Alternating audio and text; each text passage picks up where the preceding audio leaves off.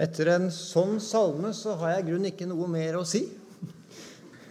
Jeg kunne i grunnen godt ha sagt meg, satt meg igjen.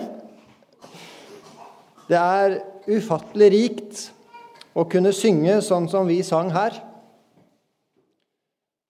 For ikke så lenge siden så var jeg på et møte hvor de ikke brukte sangboka. Og så brukte de sanger som jeg ikke kunne. Og da var veldig mye av mitt møte borte. Når du og jeg har sangboka, da har vi en veldig skatt. En veldig rikdom. Vi har den når vi synger sammen her. Vi har den hjemme i andagslivet vårt, og vi har den i hjertet. Når vi kan gå og nynne på en sang, en salme. Er Gud for meg, så trede meg hva der vil imot. Det kan jeg trøstig i side, det tror jeg fast og vet, at Gud i himmelriket er ikke mere vred. Det er ingen moderne sanger som jeg har hørt, som kan nærme seg det vi har her i sangboka. Vi skal folde hendene, og så skal vi be sammen. Kjære Herre Jesus, vi takker for syndenes forlatelse. Vi takker for at du har samla oss nok en gang. Og så ber vi Jesus, ta deg av oss. Stell med oss, du. Du kjenner oss, du vet hvor vi er hen. Og så ber vi, dra oss inn til deg. Sørg for oss, du, i alle ting, og gi oss det som du ser vi trenger må du gi meg ord, og gi oss alle sammen ører å høre med, så det kan bli til vekkelse, så det kan bli til trøst, så det kan bli til evig frelse. Amen. Overskriften over de to timene som jeg skal ha, en i dag og en i morgen, det er Er tidsånden mer vis enn Bibelen? Er tidsånden mer vis enn Bibelen? Og I dag så skal vi lese fra første Korinterbrev, kapittel 2.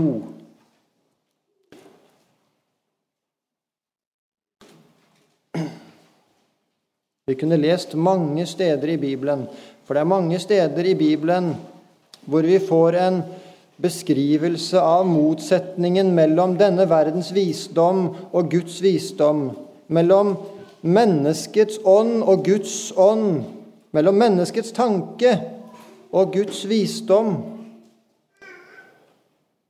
Men jeg har valgt en av disse stedene. Første Korinterbrev 2.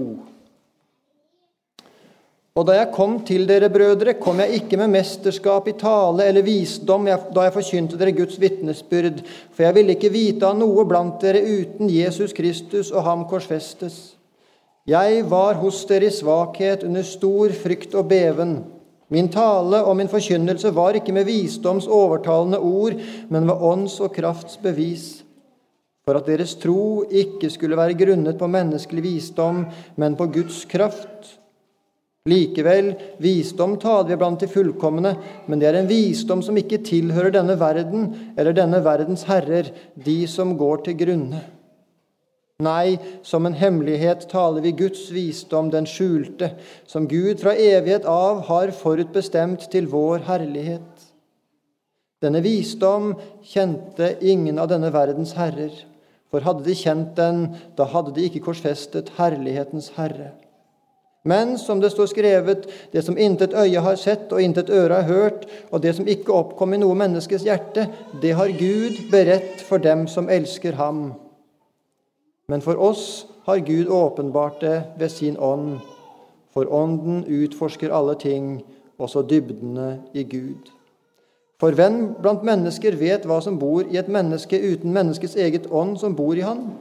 Slik vet heller ikke noen hva som bor i Gud, i Gud uten Guds ånd.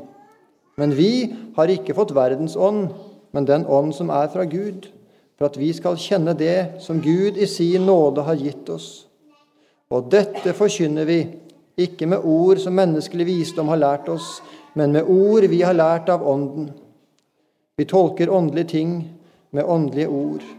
Men et sjelelig menneske tar ikke imot det som hører Guds ånd til, for det er en dårskap for han, og han kan ikke kjenne det. Det kan bare bedømmes på åndelig vis. Den åndelige derimot kan dømme om alle ting, men om han selv kan ingen dømme.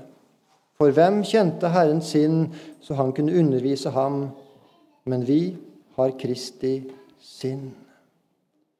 Vi har ikke fått verdens ånd, men den ånd som er fra Gud, for at vi skal kjenne det som Gud i sin nåde har gitt oss. Den første timen så vil jeg prøve å stanse litt ved tidsåndens betydning på samfunnsplan og den generelle forskjellen mellom tidsånden og Bibelen sånn på det store plan. Og den andre timen i morgen så vil jeg prøve å si noe om det personlige plan. Og så vil jeg sånn nesten til å begynne med få si noe om det. At det er veldig godt å kunne samles. Det er veldig godt å kunne møtes. Det er veldig godt å kunne samle glørne. Og det trenger vi. Det er en rå, det er en kald tid. Og hvis du blir gående i denne verden, og at denne verdens ånd får nå inn til ditt hjerte, ja, da vil du dø.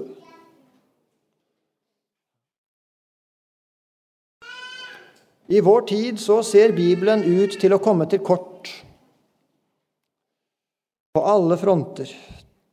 Det ser ut til at kristendommen taper overalt. Hvis du leser og hører og ser det som foregår i denne verden, så forkynnes det, så formidles det at Bibelen og kristendom det er uaktuelt, det er støtende, det er fremmed, det er latterlig.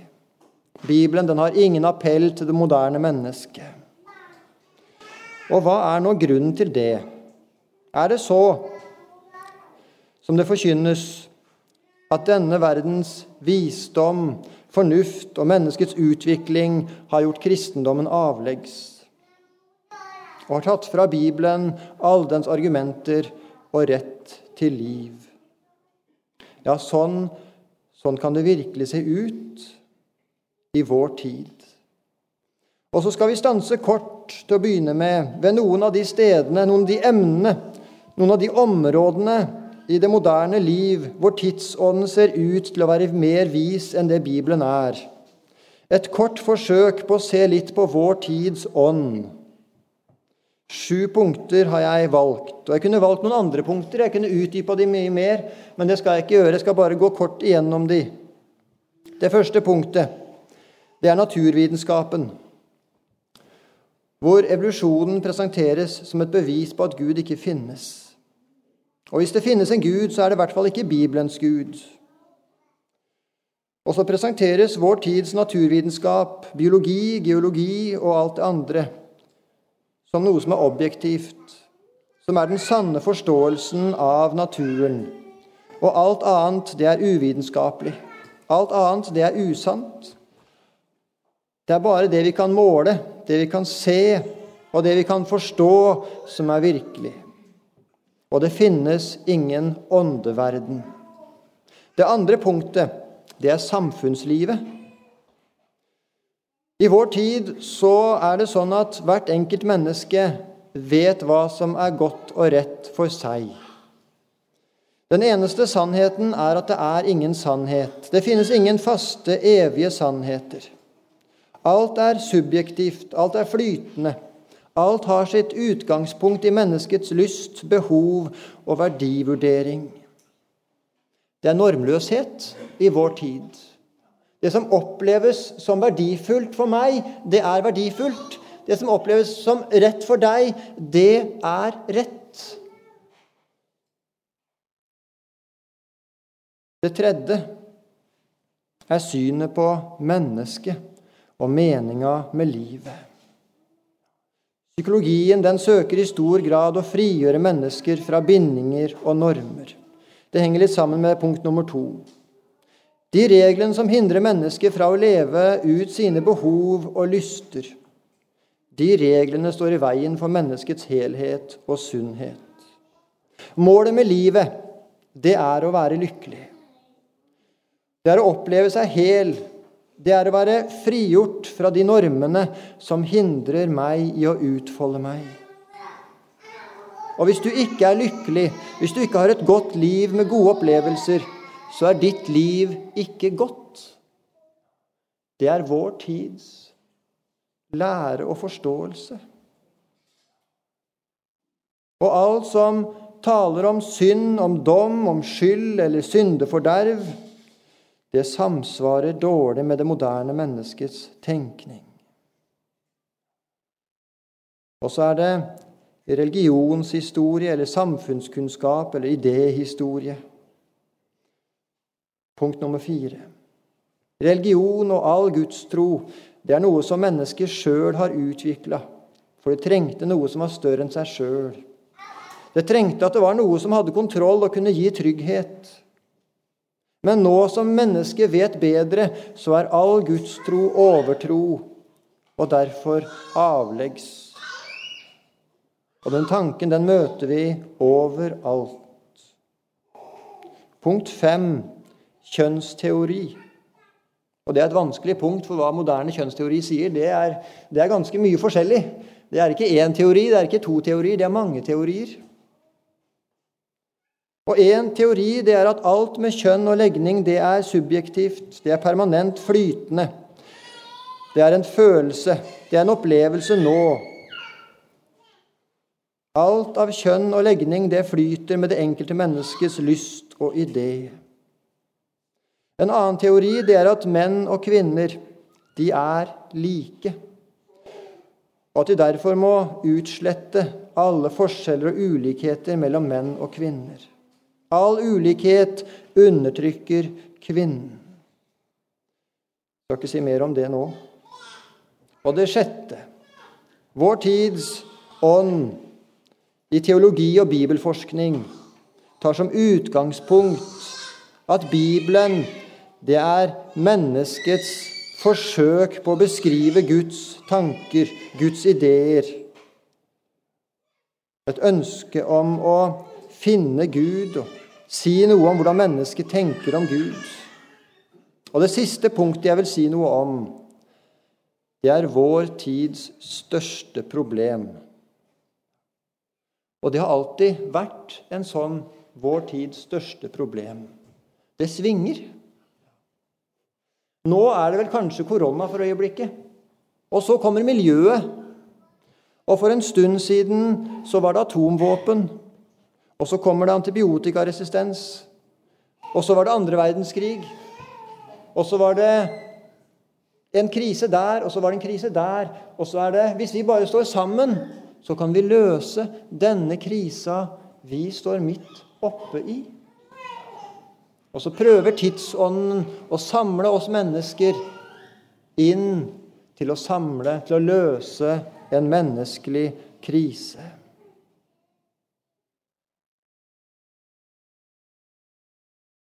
Og så må vi ha klart for oss hva tidsånden er. Jeg skal definere tidsånden snart. De ideer og den ånd som er vår tids ånd, de er antikristelige. Disse ideene, denne ånd, er mot Gud. Det må stå helt klart for oss. Alt det som ble nevnt nå, at disse ideene de kan ikke forenes med kristendom. De er fremmed for hva kristendom er, og hva som egentlig er meninga med livet. Det er to krefter som står hverandre imot. Det er menneskets ånd, det er denne verdens ånd, og så er det Guds ånd. Og så må vi ikke undre oss over at denne verdens ånd står imot Gud. For det er nettopp det denne verdens ånd gjør. Den står imot Gud. Den er et opprør mot Gud.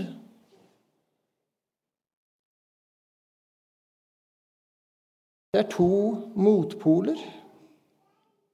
Hvis det skulle bli sånn at det blir et kompromiss i en kristens liv mellom Bibelen og tidsånden,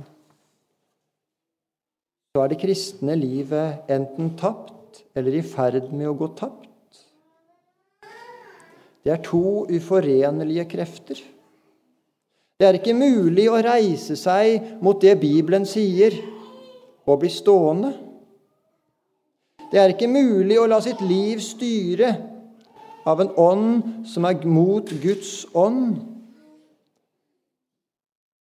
og så bli stående. Tidsånden er ikke bare sånn at nå har vi kommet videre. Nå er vi forbi Bibelen.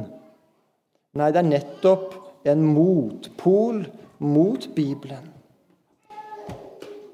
Da, da, Øyvind Andersen ble møtt med det at han var gammeldags, så sa han ja. Ja, jeg er mer enn gammeldags, sier han omtrent. Jeg er fra før tiden. Før tiden begynte, det jeg står og forkynner. Det er en annen ånd. Sånn er det med alt av Guds. Ja, ifølge tidsånden så er det utdatert. Det er helt sant. Ifølge tidsånden så er det fremmed. Ifølge tidsånden så er det krasj. Men det må det også være. For det er av Gud, og tidsånden er av mennesket.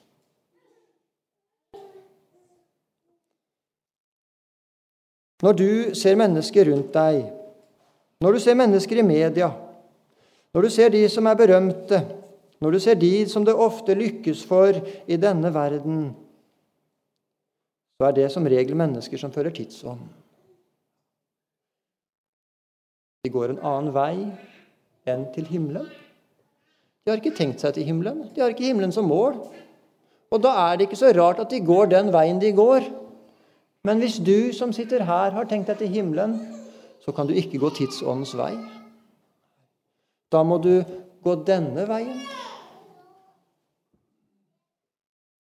Denne veien er fremmed, som vi begynte med å lese i første Korinterbrev, er fremmed for det naturlige mennesket. Forståelsen av at, sånn som tidsånden har, at samfunnet, at vitenskapen, filosofien, naturen og mennesket er en utvikling fra noe enkelt, noe simpelt, noe merverdig, noe høyere. Det regnes for å være en sannhet så grunnleggende at den ikke kan motsies. Og den er i grunn grunnlaget for all forståelse, all tenkning, all forskning i dagens samfunn. Den er fundamental. Det er en forståelse i vår tid at mennesket nå er klokere, vakrere, flinkere, mer opplyste, godere, mer humane og alt annet godt enn de mennesker som har levd før.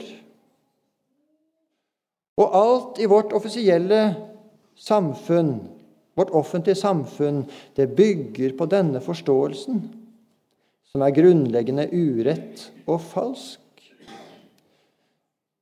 Det er ikke sånn at det som presenteres som naturvitenskap i dag, er objektivt og nøytralt. Det er ikke sånn. Det bygger på denne setningen at alt er i utvikling fra noe lavt til noe bedre.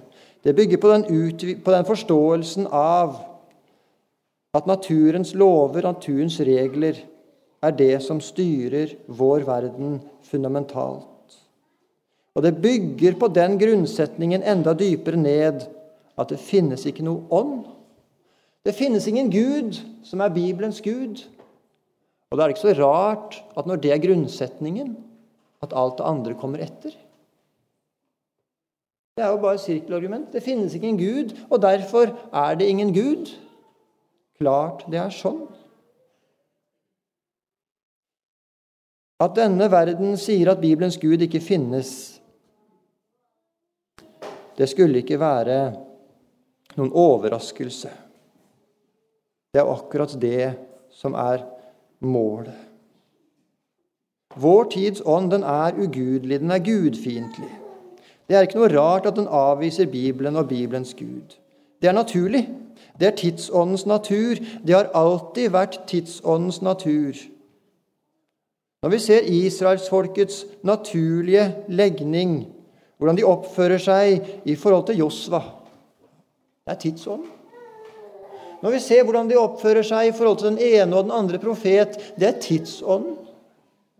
Når vi ser i hele kirkehistorien hvordan de oppfører seg i forhold til Guds ord, det er tidsånd. Og når vi ser vårt folk i dag, det er tidsånd. Det er ingen overraskelse. Carl Fredrik Wisløff definerer tidsånden som det som til enhver tid er selvfølgelig i et folk, og i parentes ikke har vært det før. Det kommer noe i vår tid som er selvfølgelig. Selvfølgelig er miljøkrisa den største av alle kriser. Selvfølgelig er alle mennesker, menn og kvinner, helt like. Altså ikke likeverdige, for det er de, men helt like. Selvfølgelig er det slik. Selvfølgelig har alle rett til å leve slik som de selv vil. Øyvind Andersen skal sitere han. Tidsånden, den ånd som er virksom i vantroens barn. Enhver tid er preget av en bestemt mentalitet som er alminnelig blant folk.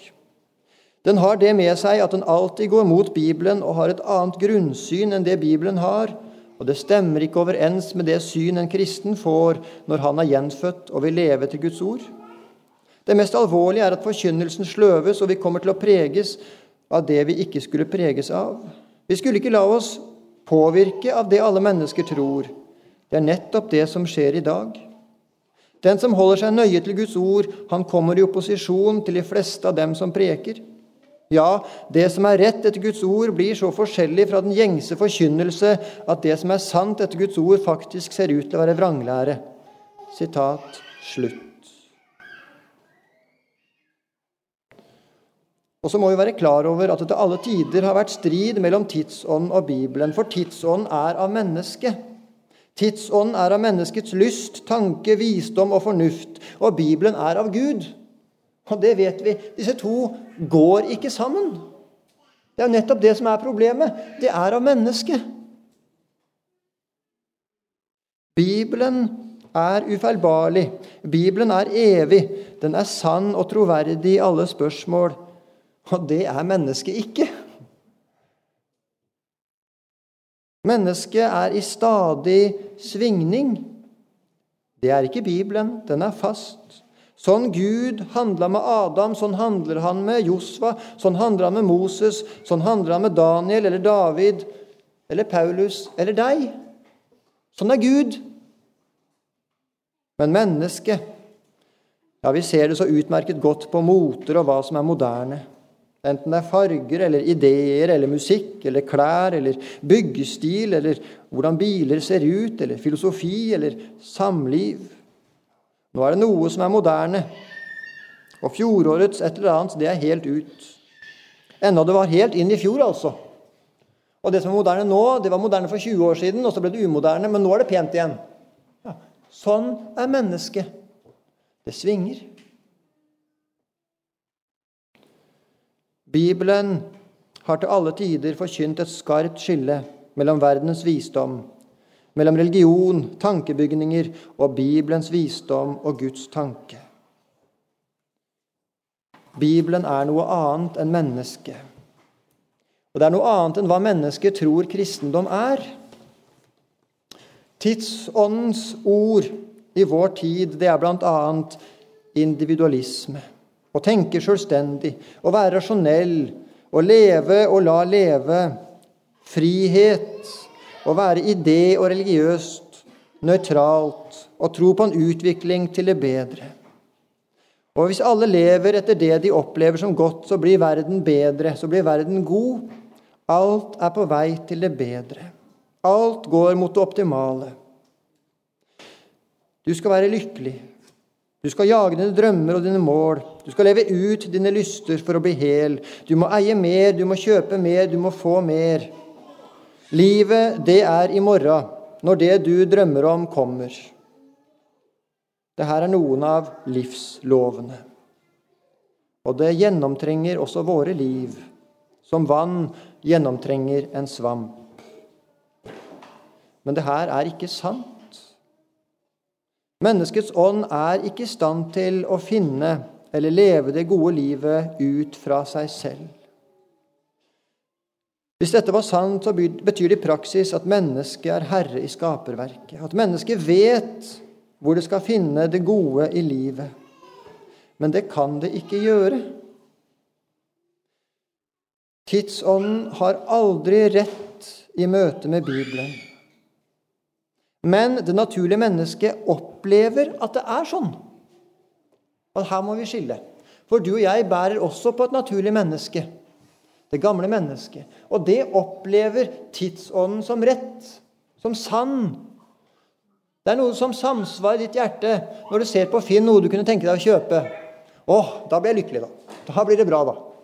Når jeg bare får det sånn, da blir det godt. Men du og jeg, vi må være klar over dette skillet mellom tidsånd og menneske på den ene side, og Gud og Bibelen på den andre side. Hvis ikke vi ser dette skillet, så vandrer vi i mørket. Og de kan altså ikke forenes. Enten så er Gud Bibelens Gud, eller så er han det ikke. Hvis du og jeg finner fram saksa klipper bort det som er uaktuelt i våre liv, eller det vi ikke syns passer, eller det vi ikke vil lese. Da er ikke lenger Bibelens Gud vår Gud. Og vet du, da kan du og jeg ikke bli frelst. For da har du en Gud etter din egen tanke. Og din tankes Gud, han kan ikke frelse. Så det her er ikke bare interessant, for det er det. Det er ikke bare aktuelt sånn menneskelig sett. Men det går rett inn i livet til deg og meg. Det går rett inn i syndenes forlatelse. Det er ingen tredje vei mellom Bibelens vei og menneskets subjektive menneske som Herre. Tilbake til de sju punktene som vi stansa med til å begynne med de punktene som preger tidsånden. Hva er det Bibelen sier om disse punktene? Helt kort. Og vi kunne brukt en time på hver av punktene i hvert fall. Jo, det første om skapelse og utvikling. Bibelen beskriver kort og enkelt hvordan Gud skapte. Beskriver, den beskriver seks dager for 6000 år siden. Men dette stemmer jo ikke med vitenskapen. Nei, ikke hvis vitenskapen har de normene som vi la til grunn i stad, at det er ingen Gud, og naturlovene er herre over skaperverket. Men det er egentlig ikke naturvitenskap. Det er et premiss som mennesket har satt for å få prøve å få regnestykket til å gå opp. Hvis Bibelens Gud er herre over naturen, og det er han jo. Hvis han er det, så er han herre i alle ting. Da behøver ikke han å følge naturlovene. Han er jo herre over dem. Da kan han skape akkurat som han vil. Han kan gjøre akkurat som han vil, for han er ikke underlagt naturen. Han kunne si 'ku', og så sto det en ku der. Ja, han er Gud. Hans ord skaper. Bibelen har en indre sammenheng som er sann. Bibelen sier at Bibelens Gud er sånn, og så skaper han gjennom sånn han er. Det er ingen motsigelse i det hele tatt i det Bibelen sier.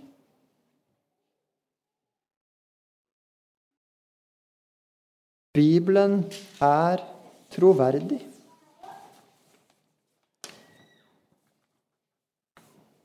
Skulle ikke ha så lange manuskript. Det andre punktet, om samfunnsliv. At det er mennesket som vet hva som er godt og rett for seg. Der sier Bibelen noe helt annet. Bibelen forteller om et syndefall som ødela menneskets evne til å vite hva som er godt og vondt, rett og galt, sant og usant. Og enda verre etter syndefallet så opplever mennesket det gode som ondt. Det onde oppleves som godt, det sanne oppleves som et problem, og løgnen oppleves som en løsning. Og slipper du dette mennesket løs, ja, Stakkars mennesker. Da går det mennesket ille. Og det ser vi i grunnen i denne verden, at det går mennesket ille. For mennesket har ikke noen indre termostat som stemmer med virkeligheten, men det tror det. Men Gud vet hva som er rett. Gud vet hva som er sant, og han forteller det i Bibelen, og han åpenbarer det i Bibelen. Og det mennesket som er født på ny, vet hva som er godt og sant, har en ånd som samsvarer, har fått en ånd som samsvarer med hva Bibelen sier, har en lyst som samsvarer med hva Bibelen sier er sant. Og psykologien, som søker å frigjøre mennesker fra bindinger og normer, så du kan få leve livet og bli lykkelig. Så sier Bibelen noe helt annet. Et menneske er helt bare når det lever med Gud i syndenes forlatelse. Men der er det helt. Om det så er dypt ulykkelig, så er det helt. Om det er fattig, så er det helt. Om det lider av alvorlig sykdom, så er det helt. Om det står på dødens rand, så er det helt, for det lever i samfunn med sin skaper. Det er noe annet. Her nede er dog ingenting helt. Denne jord er skadeskutt av synden, av syndens makt, av syndens følger, og det vil være mangler i ditt liv. Men målet med ditt liv det er ikke å bli lykkelig. Det er ikke de store opplevelser. Det er ikke anerkjennelse. Det er ikke å bli sett. Det er ikke å nå dine mål. Det er å leve i samfunn med Jesus i syndenes forlatelse. Der er den største lykke. Der er et menneske fri fra syndens makt. Der er et menneske fri fra døden. Der har et menneske et samfunn med Jesus, hvor det kan gå til Jesus i alle ting, med alt. Og Jeg har mange ganger tenkt på de tolv apostlene som skulle ut og forkynne evangeliet. De mista livet i tjenesten, elleve av de. De tapte altså. Gjorde de ikke det? Nei, de vant. For de hadde allerede vunnet. De var fri. De var løst.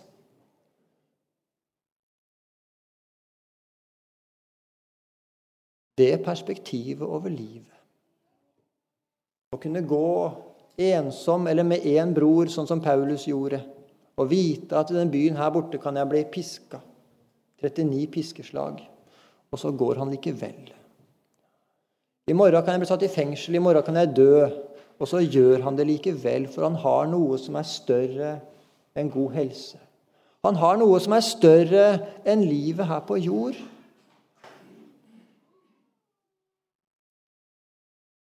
Ser du hvor stor forskjell det er på tidsånden og Bibelen? Jeg skal lese tre sider for dere fra en bok.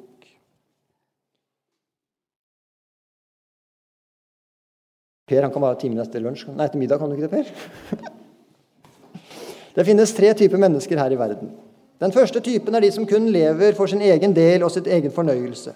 De ser på naturen og andre mennesker som ting som bare er til for å nytes, uten å ta noe særlig hensyn. Den andre typen er de som vedkjenner seg et slags ansvar utenfor dem selv, det være seg Guds vilje, det kategoriske imperativ eller samfunnets beste, og prøver å leve innenfor rammene av dette. De prøver å yte det som kreves av dem til dette ukjente høyere kravet, mens de håper, som de fleste skattebetalere, at det blir litt til overs å leve av. Livet deres er delt som livet av en soldat eller en skoleelev i tiden på vakt eller av vakt, på skolen eller fri fra skolen. Men den tredje typen er de som nikker til Paulus' ord om at for dem er livet Kristus. Disse menneskene har kvittet seg med det slitsomme strevet det er å imøtekomme selve liv, selve både selvets og Guds krav ved hjelp av det enkle løsningen at de har kastet alle selvets krav på havet. Den gamle egoistiske viljen er snudd på hodet, omskolert, omskapt til noe nytt. Jesu vilje er ikke lenger en begrensning for dem, den er identisk med deres vilje. Når de har overgitt all sin tid til ham, tilhører nå hele tiden dem, for de er jo hans. Og siden det finnes tre typer mennesker, er den enkle todelingen av verden mellom god og ond katastrofal. En slik inndeling utelater det faktum at de som tilhører den andre typen, som de fleste mennesker gjør, alltid nødvendigvis er ulykkelige. Skatten som vår moralske bevissthet pålegger våre begjær, etterlater oss faktisk ikke noe å leve av.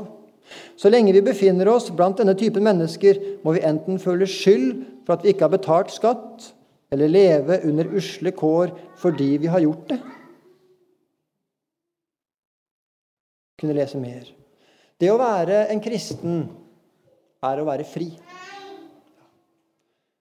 Fri. Gud holder ikke regnskap med sine barn.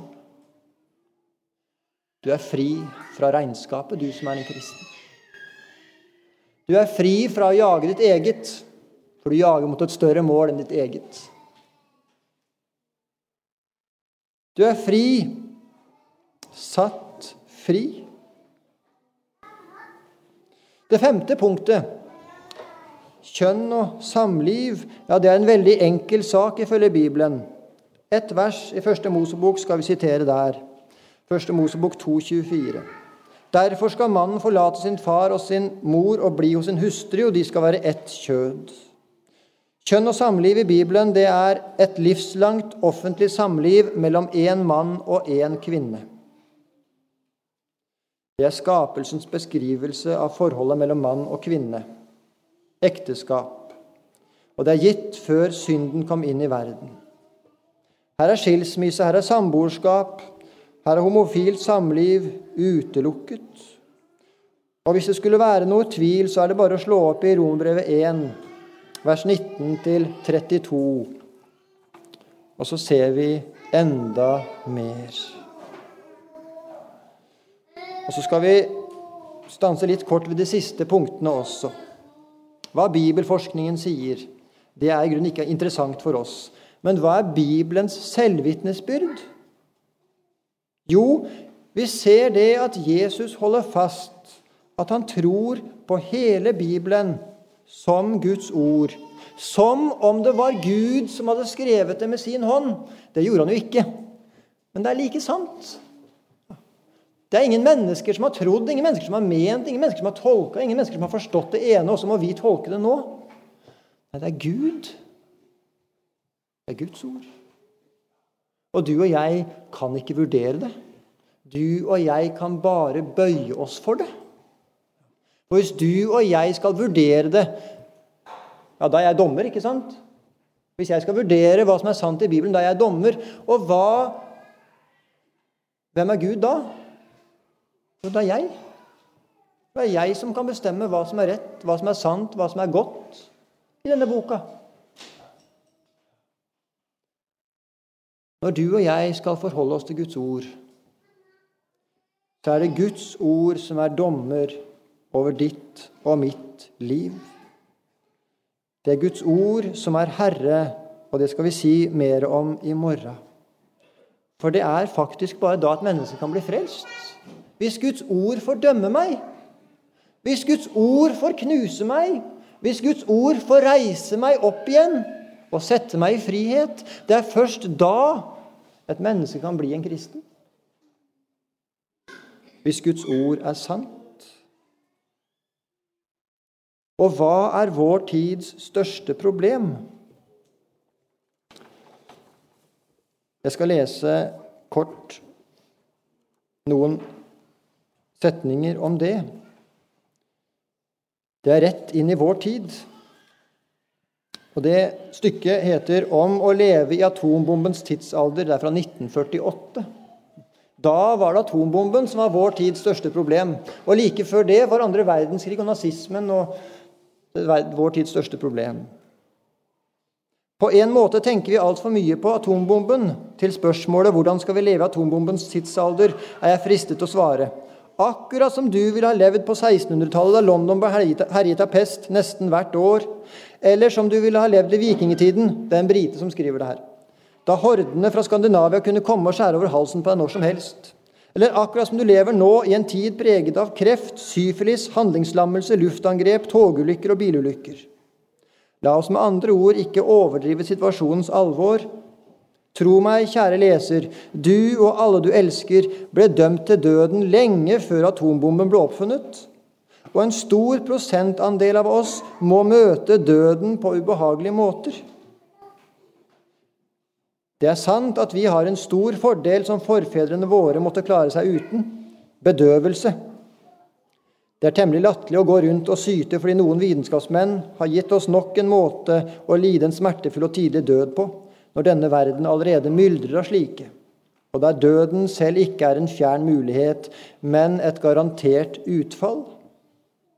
Dette er det første poenget mitt, og det første vi må gjøre, er derfor å ta oss kraftig sammen. Hvis alle kommer til å bli tilintetgjort av atombomben, så må vi i hvert fall gjøre menneskelige og fornuftige ting når det skjer. Be, arbeide, undervise, lese, lytte til musikk, Bade barna, spille tennis, prate med venner. Ja, altså lev, lev livet. For den tiden du lever i nå, ja, den er unik på sin måte. Men sånn er det alltid, og sånn vil det alltid være. Men denne tiden er en synkende skip. Og det har den alltid vært. Det kommer den alltid til å være. Det sier noe om din og min tid. Vi går mot evigheten. Og Så skriver han videre, jeg skal ikke lese det, men han skriver noe videre om nettopp det at det at det skjer store kriser, denne vår tids store krise, skal minne oss om at denne tiden, denne jord, er ikke et blivende sted. Du og jeg går mot dom. Enten det er atombombe eller korona eller, eller, miljøkrise eller hva det er for noe. Du, jeg går mot dom, og det er sånn det er. Er du rede til å møte din Gud? Vår tids store problem, det er vår synd, og det er den evige fortapelse. Og det er en løsning på det problemet. Syndenes forlatelse ved Jesu blod. Gud, han kaller fortsatt inn syndere. Syndere med ekte, herskende synd kaller han inn til å komme til seg for å bli renset, til å bli fri fra synden. Der er løsningen. Gå til Jesus, hver og ein. Ved hans kors er rom. Sei hans synd og sorg og mein. Ved hans kors er rom. Redde sjel, jag bort din tvil. O din naud han hjelpa vil, når du han vil høyra til. Ved hans kors er rom. Syndervennen mildt deg bed, ved hans kors er rom. Kom og deg i nåden gled, ved hans kors er rom. Drikk av livsens kjeldevel, rik og fattig, fri og trell. Der er frelse for de sjel, ved hans kors er rom.